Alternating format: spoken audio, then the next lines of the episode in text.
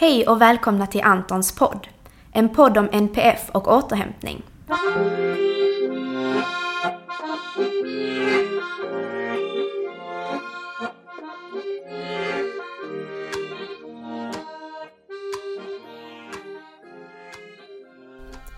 Jag heter Marie och kommer att i dessa poddavsnitt utforska olika aspekter av hur det är att leva med eller tillsammans med någon med NPF, neuropsykiatrisk funktionsnedsättning.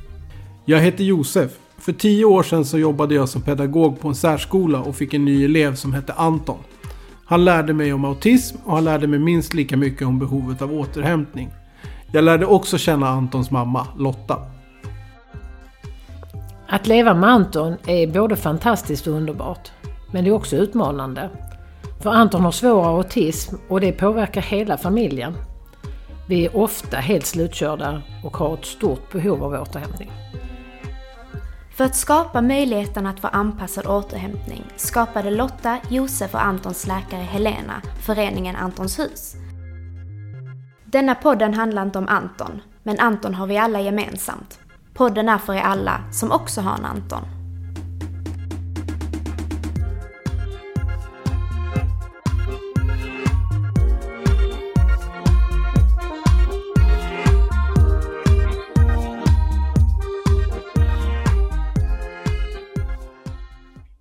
Hej och välkomna till avsnitt 16.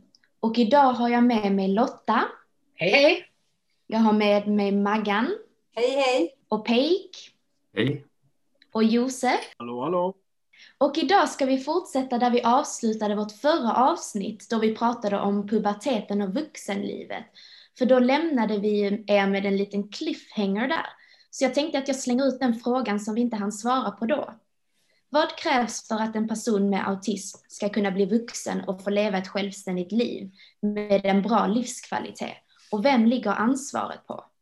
Ja, alltså det är många olika eh, pusselbitar som behöver falla på plats och eh, en del av dem är svårare att få till än andra givetvis. Men eh, jag tänker att även en, en person med eh, speciella behov har ju en lagstiftad rätt till eh, samma livskvalitet som, som alla vi andra. Eh, och där finns ju en hel del att önska skulle jag säga. Eh, man ska bo någonstans, man ska jobba med någonting, man ska ha ett socialt umgänge och eh, man ska ha fungerande läkarkontakter och man ska ha fungerande habiliteringskontakter och så vidare. Erfarenhetsmässigt så, så ser jag att det, det, är på ganska många ställen som de här eh, sakerna inte riktigt fungerar som de eh, borde. Eh, det är ehm, vi har pratat om daglig verksamhet tidigt, eller tidigare och det finns ju en del att, att önska hos ganska många dagliga verksamheter, en, en individanpassning inte minst. Ehm, just nu på, på mitt bord så har jag ganska många frågor som rör boendesituationen. Hur bor man om man, om man inte vill bo på ett gruppboende? Eh, hur får man fatt i en hyreslägenhet om man inte har någon annan inkomst än ersättning från Försäkringskassan? Eh, vilka hyresvärdar vänder man sig till? Jag har inga svar, eh, utan det, det är snarare utmaningar som jag, jag, ser många personer står inför just nu, bara i, i, runt omkring mig. Om man då ser att, du, du ser det ju utifrån din yrkesroll, men på vilket sätt är föräldrarna inblandade där? Hur mycket får de ligga i? Eller kan de sitta tillbaka och tänka Nej. att det här löser sig efter mitt vuxna barn? Oh, nej, jag skulle nog snarare säga att det är ju föräldrarna i ganska stor om, om, eller ut, utsträckning som får eh, dra i alla de här trådarna. Inte sällan så är ju föräldrar eh, kanske god man då till sitt vuxna barn eh, och i egenskap av god man den som, som får hjälpa till att se till så att det här fungerar. Eh, sen så försöker ju vi att hjälpa till med vad vi kan, men, men där är vi, finns det en viss begränsning. Nu jobbar jag med personlig assistans som är en, en annan stödform än till exempel gruppboende. Eh, I, i gruppboenden där, där eh, köper man ju ofta ett, ett helt paket så att säga med, med allt, allting, som, eh, allting som man behöver för att få livet att fungera i någon mån. Ehm, men eh, om man inte vill bo tillsammans med andra människor i, i, på det viset eller om man kanske har man kanske är ljudkänslig och tycker att det är jobbigt att bo med andra människor som är högljudda eh, eller vad det kan röra sig om. Eh, om man vill bo själv, ja, då står man inför de här utmaningarna helt enkelt. Jag ville bara flika in där Josef, jag håller med dig helt och hållet. Men när jag tänker föräldrar, många föräldrar har sagt så här att man har inget val, man måste kämpa för sitt barn för det, eh, för, för det är ingen annan som tar det ansvaret så att säga. Och det är många föräldrar som har velat släppa ansvaret många gånger men känner att man har inte kunnat. Eh, så det är också ett dilemma. Föräldrar vill släppa föräldraansvaret och bör göra det, men mm. man kan inte. Så det tycker jag är ett stort dilemma faktiskt. Eh, ja, det är klart att har man en funktionsnedsättning Eh, Eh, och speciellt den här typen av funktionsnedsättning som vi, de här NPF-diagnoserna, så eh, eh, har man ju inte samma möjligheter att eh, skaffa sig ett självständigt liv och organisera och planera. Och eh, eh man är också, när det gäller sådana funktioner, betydligt efter i utvecklingen eh, jämfört med jämnåriga som inte har som funktionsnedsättning. Så att, att man då blir myndig med allt vad det innebär i samma ålder som de som inte har funktionsnedsättning. Det, eh, det blir en skillnad där, att man inte är i stånd att eh, agera utefter de rättigheter lagen säger att man har och de skyldigheter man också borde ha. Och det, så det blir lite grann en förlängd barndom samtidigt som man juridiskt är vuxen. Och det skapar ju en väldig svårighet det här och det är där föräldrarna kommer in också. Att de måste fortsätta att hjälpa till fastän deras barn formellt sett är vuxen. Eh, och det kan hålla på långt in i vuxenlivet. Och just det där som eh, Margareta pratade om, det här med, med att man eh, behöver vara advokat för sitt barn därför att det finns en del hjälp man kan få från, från det offentliga, från myndigheter och så, men det är svårt att få till det många gånger och personen själv med funktionsnedsättningen är inte så kapabel att sköta den typen av ansökningar och stå på sig och kräva sin rätt och så vidare. Nej, och många gånger så är det en djungel. Alltså du, du har LSS-lagen, man kanske behöver en ledsagare, man behöver en kontaktperson, mm. man ska söka om aktivitetsersättning. Alltså det, det, är väldigt brett, många, många, många saker man ska liksom ansöka om. Ja. Och, det, det, det, det, är svårt många gånger för den enskilde. Ja, ja, man, man borde helst ha en väldigt hög funktionsnivå när det gäller mm. planering, organisation, eh, mm. intellektuell funktion och så vidare för att eh, klara ut det här komplicerade som du beskriver. Alltså det, för jag är ju förälder och till ett vuxet barn med, med autism, med svår autism. Och jag, och jag känner ju att det hade varit så skönt att bara få en liten paus. Att få koppla av en liten stund, liksom, att nu är det någon annan som tar hand om och nu så kör det som det ska. Och om man kommer in i ett läge där det fungerar bra, då är man livrädd att hjälpen ska dras in. För då kan man tycka att ja, men nu fungerar det bra, då mm. behövs inte så stor hjälpinsats. Men det fungerar ju många gånger bra tack vare att man äntligen efter flera år har fått hjälpinsatsen att fungera. Drar man då in den så fungerar det ju inte längre. Det är ungefär som att lägga in en hörselslinga för någon som har en hörselskada och säga att Nej, men nu fungerar det, nu hör ju personen, då tar vi bort hörselslingan. Mm. Alltså det är så dumt så det finns inte, men det, man, man är jätterädd för det, för man har ju råkat ut för det. Jag, jag tänker så här, eh, om man får lov att eh, så drömma och fantisera om hur man önskar att det vore, då tänker jag att när man blir vuxen som eh, person med funktionsnedsättning, så får man tillsammans med sin legala företrädare träffa sin LSS-handläggare som talar om för en de här och de här och de här möjligheterna till stöd finns det. Eh, om man för ett, ett samtal, vilka, vilka skulle passa dig som person? Helt förutsättningslöst. Men så funkar det ju inte idag. Idag så, så snarare fungerar det så att, att eh, kommunen eller LSS-handläggarna har en egen tanke om vilket stöd en person behöver. Eh, och förutsätter att eh, för att man ska få en annan typ av stöd så måste någon annan fixa en hel del annat av det. Och inte sällan, det, det, är inte min mening att, att klanka ner på, på gruppbostäder ständigt och jämt, men ganska ofta så är det en kostnadseffektiv, eh, ur ett ekonomiskt perspektiv och ett kortsiktigt perspektiv insats. För då, då, har man två eller tre medarbetare på sex boende eh, och det, det, de är någonstans, man, de har en helhetslösning och man behöver inte hålla på med så många olika pusselbitar. Ehm, och så att ofta så är det det som, som säljs in som den bästa insatsen. Och jag, jag träffar ju av naturliga skäl då ganska många personer och företrädare där, där den insatsen inte fungerar. Ehm, och att där försöka få information om vilka andra alternativ som finns. Det, det, är lite av en djungel. Det finns ju en, en insats som man kan bevilja som jag vet att Lotta känner till också, som heter annan särskilt anpassad bostad. Eh, det är någonting som jag aldrig har hört en kommun själva föreslå. Men det är någonting som finns och det är just en, en bostad för personer som kanske bor med personlig assistans och som behöver en anpassad bostad. Men den har jag aldrig varit med om att en, en LSS-handläggare har lagt fram själv, att det här alternativet finns. Nej, verkligen inte. Jag kände ju till den tack vare att jag var engagerad i eh, Autism Aspergerföreningen.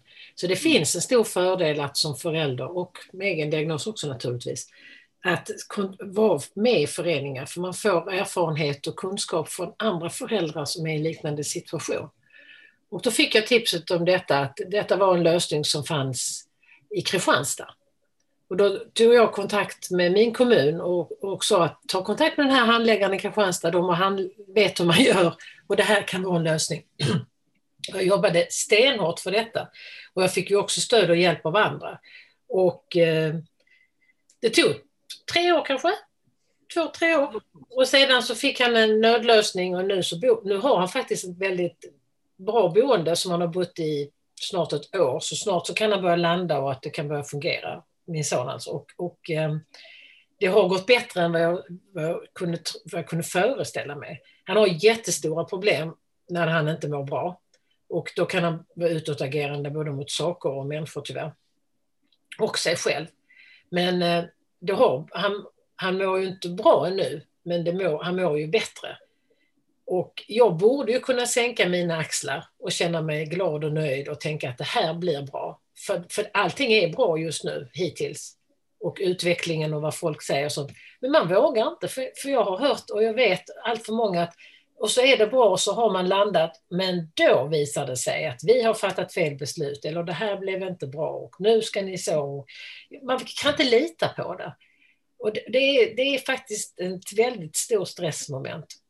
Jag, jag skulle också jag tänker också på det här som eh, i egenskap av god man så har jag varit med en tjej hos, Hon hos besök om kontaktperson och ledsagare och har ett rätt svårt funktionshinder också, alltså att förstå. Och det som jag inte begriper då är att det finns många bra handläggare, jättemånga bra. Men jag har också mött många som inte förstår funktionshindret. Utan man pratar på, precis som att man förstår alla orden som sägs i rummet. Och den, den tjejen som jag hade med mig där, hon förstod ingenting. Ingenting vad den här handläggaren sa. Och, och det, det, det, tycker jag, alltså mer utbildning tänker jag också till handläggarna. Mm. Det behövs som ska möta ungdomarna i vuxen ålder. Mm. Jag, jag tänker att, mm. jag tänker att handläggare ja. behöver mer stöd. De behöver mer utbildning och de behöver stöd från sina chefer. Och de behöver kunna bolla olika grejer även mellan kommungränser. Så att man kan få erfarenheter från varandra. För att om man får ett boende som fungerar så kommer den samhälleliga kostnaden... Alltså jag, har inga, liksom, jag har inte gjort undersökning på det, men jag kan inte föreställa mig annat än att det faktiskt att det blir bra. Sen är det ju klart att, att om man får ett boende och man mår bättre på alla sätt och vis, det är klart att man ska inte tvinga någon att flytta som inte vill flytta, men det är klart att en insats kan, kan förändras. Man kan behöva mer insats och man kan behöva mindre insats. Men det måste ske i dialog. Det kan inte bara vara att någon som aldrig ens har träffat personen bestämmer för något som de faktiskt inte är insatta i. Och det är faktiskt så det går till många gånger och det är sorgligt. Jag vill bara säga en sak, alltså, det var inte det jag menade. Jag, jag håller med om att alla handläggare som jobbar med med människor så att säga behöver få utbildning. Alltså det, det är kommunens skyldighet att se till. Det är inte den enskilda handläggaren, för det, hon, hon eller han behöver stödet från kommunen och få den utbildningen. Eh, mm. Så att man får den erfarenheten. Så, ja. Absolut, och det innebär ju att cheferna också behöver det för att kunna ge stödet och ha yeah. förståelse. Yeah. Så att det är liksom hela ledet och det var det mycket som Antons hus modell bygg, bygger på. Att förutom att det ska vara ett semesterhus och att det ska vara en daglig verksamhet som kan fungera för den gruppen som har det allra svårast, alltså när vi har fått hela modellen på plats, så skulle det också vara att all, alltså man, hela ledet i beslutsfattarna skulle vara in, involverade i själva tänket. Vad är det vi strävar efter tillsammans?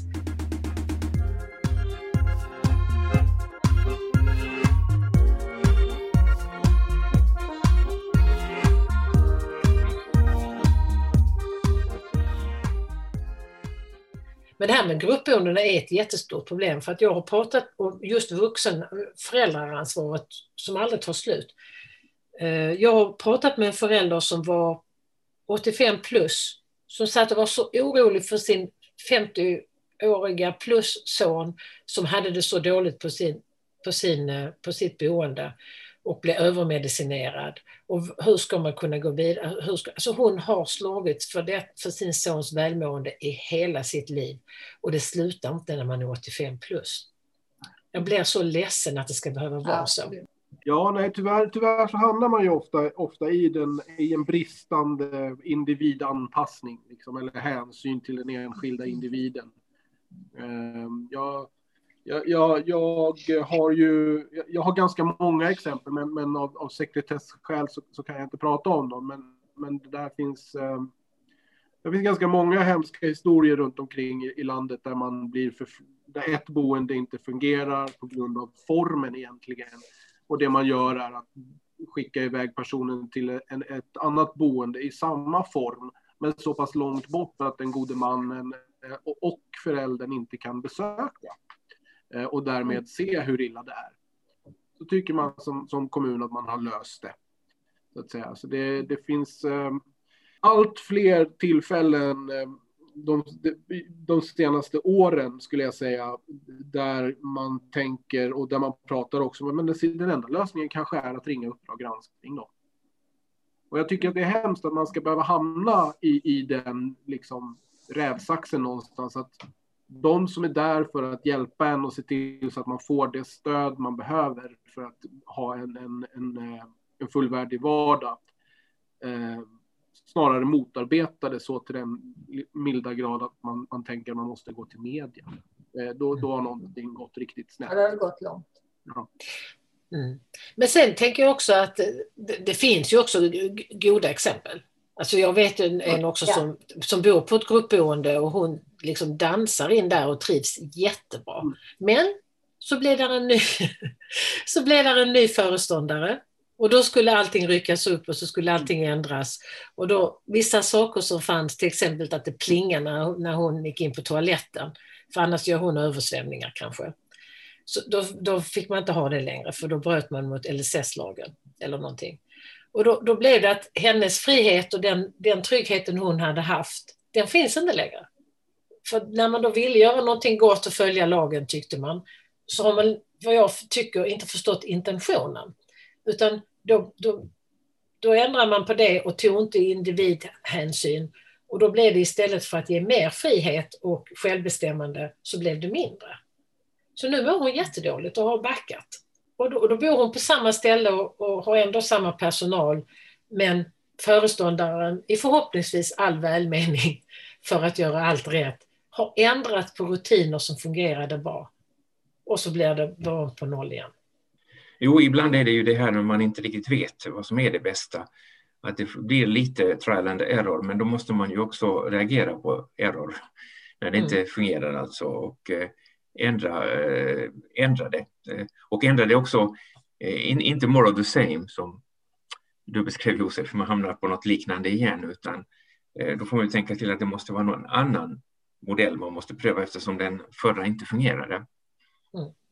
Och sen tänker jag att man måste ju ändå ha lite tålamod för förändringar i sig är ju dåliga. Så ja, ja, det är föränd... Precis. Jag menar, har man autism så har man ju svårt med förändring och det kan ta lite tid att anpassa sig till en förändring som sen kanske fungerar bra. Men precis i det ögonblick förändringen sker så kan det, då är det ju kritiskt. Då är det ju en förändring. Ju.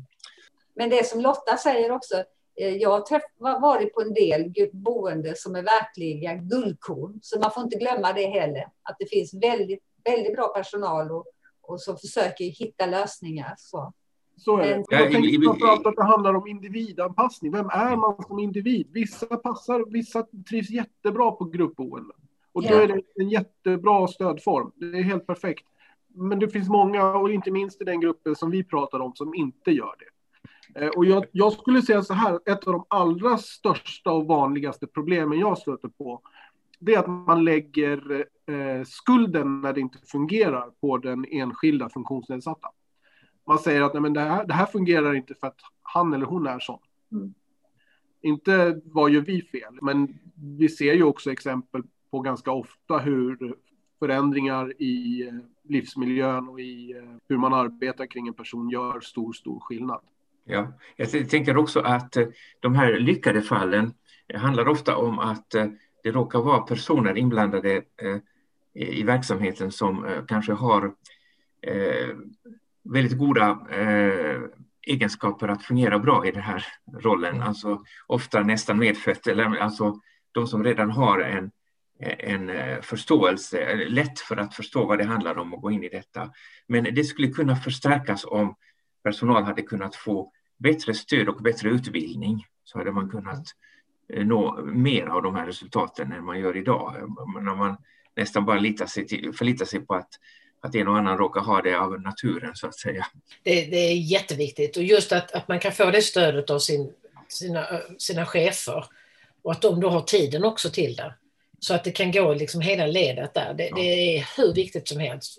Och att... jag, jag, jag, tänker också när, när det gäller utbildning sa jag att då ska man inte bara nöja sig med att läsa en bok eller gå på ett föredrag utan det handlar om utbildning i praktiska eh, situationer. Det vill säga man borde ha ett välfungerande system med handledare eh, mm. i själva arbetet, alltså praktiskt så att säga. Mm. För att om handledaren är en person som har träffat massor av olika personer med funktionsnedsättningar som sinsemellan har varit väldigt olika så har ju handledaren eh, mycket av den kompetensen och mm. kan kanske hjälpa den nyanställda att eh, snabbare komma in i eh, arbetet och också få den här erfarenheten som småningom behövs naturligtvis. Mm. Mm. Jag skulle bara ställa en fråga till Josef angående detta, för jag tänker, för det du sa innan Josef, tycker du inte att det för jag, jag, jag, tycker ibland att man pratar om samma saker fortfarande tio år. Se, idag, vi pratade om detta för tio år sedan när jag jobbade på habilitering. Nu pratar, och så pratar vi fortfarande om detta. Ser vi, precis som att vi inte ser någon förbättring överhuvudtaget. Är det så? Jag eh, tycker väl inte att vi ser sådär jättemånga förbättringar. Snarare så alltså inom den eh, grenen av LSS som jag arbetar, personlig assistans, så ser vi ja. snarare försämringar. Eh, okay. Där är det ju, jag menar, det var ju först i, i fjol som man eh, återigen insåg att andning var ett grundläggande behov. Ja. Och alltså, för mig så tänker jag att om ribban ligger där, ja, men då är vi ganska ja. långt ifrån att se den enskilda individens mm. specifika behov och anpassa en verksamhet till det eller ett stödbehov till det. Men, men jag tänker att eh, ja, men just det här som jag började med att säga kring, kring hur jag önskar att det var, alltså att man, när man är på väg in i vuxenlivet, att man får ett sådant möte med en LSS-handläggare som ju representerar hela vårt samhälle i det mötet faktiskt. Och som säger att det här är de stödformer som vi som samhälle erbjuder någon i din situation. Vad tror du och dina företrädare skulle bäst passa dig? Och att den och att den personen också kan vara liksom en länk mellan, för, för det är ju så att vissa insatser får man hjälp av från kommunen. Och vissa insatser får man hjälp från regionen. Och andra så ska man ha från Försäkringskassan. Och är man så att man möjligtvis skulle kunna få jobb så ska, är någonting då från förmedlingen. Det är väldigt svårt att, att rådda i vad som är vad egentligen och ibland så faktiskt så kan det vara lite både och. Lite. Och sen skiftas det när man är barn och sen är det någon annan som har ansvar när man blir vuxen. Att man i det, när man skiftas, att man har den personen, till exempel då eh, LSS-handläggaren som du sa, på kommunen, men att den personen, från, även om det är kommunen, även hjälper till med att förstå de andra hjälpinsatserna. För annars är det jättesvårt. Att prata med många olika personer, det är svårt som, som förälder utan diagnos också. Jag vet att en del kommuner har, eh, har provat någonting som de kallar för en LSS-samordnare som ska fylla just den funktionen. Ni kan gissa hur överbelastad en sån person har blivit. Ja. Det har gått. Eh, sen är det ju så här också, att bara för att de här eh, olika stödformerna finns betyder inte givetvis att det är så enkelt som att säga att ja, men det här tror jag skulle passa mig bäst. Eh, återigen, det, det, jag jobbar med är ju personlig assistans. Idag är det omöjligt, skulle jag säga, för en privatperson att, att söka och få igenom ett beslut om personlig assistans. Det krävs att du har en jurist som, som kan hänvisa till rätt lagrum och föra resonemangen utifrån de förutsättningar som Försäkringskassan och kommunen liksom förhåller sig till. Det mm. går inte annars. Det, det, det finns inte en chans. Eh, och, och, och, det är ju inte, det, det, är inte givetvis alla som vet det, att, att man behöver ha det, utan man går till kommunen och säger men det här tror vi vore bra. Och kommunen sätter igång och räknar hur många minuter man behöver fysisk hjälp när man går på toaletten. Alltså det, någonstans är det så att stödformerna finns kanske egentligen, men de presenteras inte och de är inte tillgängliga för människor som inte har rätt resurser och rätt kompetenser. Det är, till och med svårt, det är till och med svårt, Josef, om man bor på ett boende, gruppboende, ja. att få kontaktperson. Ja. För då anser man att det är personalen som ska se till att personen kommer ut och går regelbundet eller går ut på aktiviteter. Men om det är för lite personal eller man har för mycket att göra så kommer ju inte, drabbar det den enskilde i alla fall. Och så får man avslag på ansökan om kontaktperson för, det, eh, att personalen ska göra det. Så då hamnar man i ett momentum på något vis som är helt svårt. Sorgligt. Ja. Där finns ju i alla fall vad gäller eh, personlig assistans då, om jag ska försöka säga någonting positivt i det här avsnittet, en, en pågående utredning som, som har uttryckligen fått eh, eh, fått frågan vad kan vi göra för att stärka den personliga assistansen. Eh, och eh, den skulle ha varit klar här i mitten av mars. Nu har de skjutit på det till maj med, med hänvisning just till corona. Eh, men, men där handlar det väl också lite grann om att, och det här är ju viktigt inte minst för, för personer med, med autism då. Där, där handlar det, en, en av det de ska, en av de sakerna som de ska utreda är huruvida tillsyn ska lyftas tillbaks och bli ett grundläggande behov igen, som det var ifrån början. Med, oh, ja. För det har ju också sen eh, genom olika domar plockats bort, precis som andning och sondmatning gjorde. Eh, och, och, nu har man ju lyft man tillbaka de två här under förra året och då är väl frågan om tillsyn som, som grundläggande behov kanske plockas in igen. Sen finns det ju en annan intressant fråga i den här utredningen och det, det är ju frågan om ett statligt huvudmannaskap. Och om vi pratar om det här med, med rättssäkerhet så ja, det är väl ingen som är riktigt nöjd kanske med Försäkringskassans bedömningar i, i alla lägen. Men de är i alla fall något sånär likvärdiga medan som sagt var bedömningarna mellan de olika kommunerna som, som det ser ut idag kan se väldigt, väldigt olika ut. Det är mycket svårare att få ett samarbete och få det att fungera när man har blivit vuxen än när man är barn och ungdom. Så efter det man är 18 år så blir det en stor försämring tycker jag mm. utifrån samhällshjälpen. Och man är ju vuxen mycket längre tid i sitt liv än vad man är barn. Mm. Så det är ju jätteviktigt att det fungerar.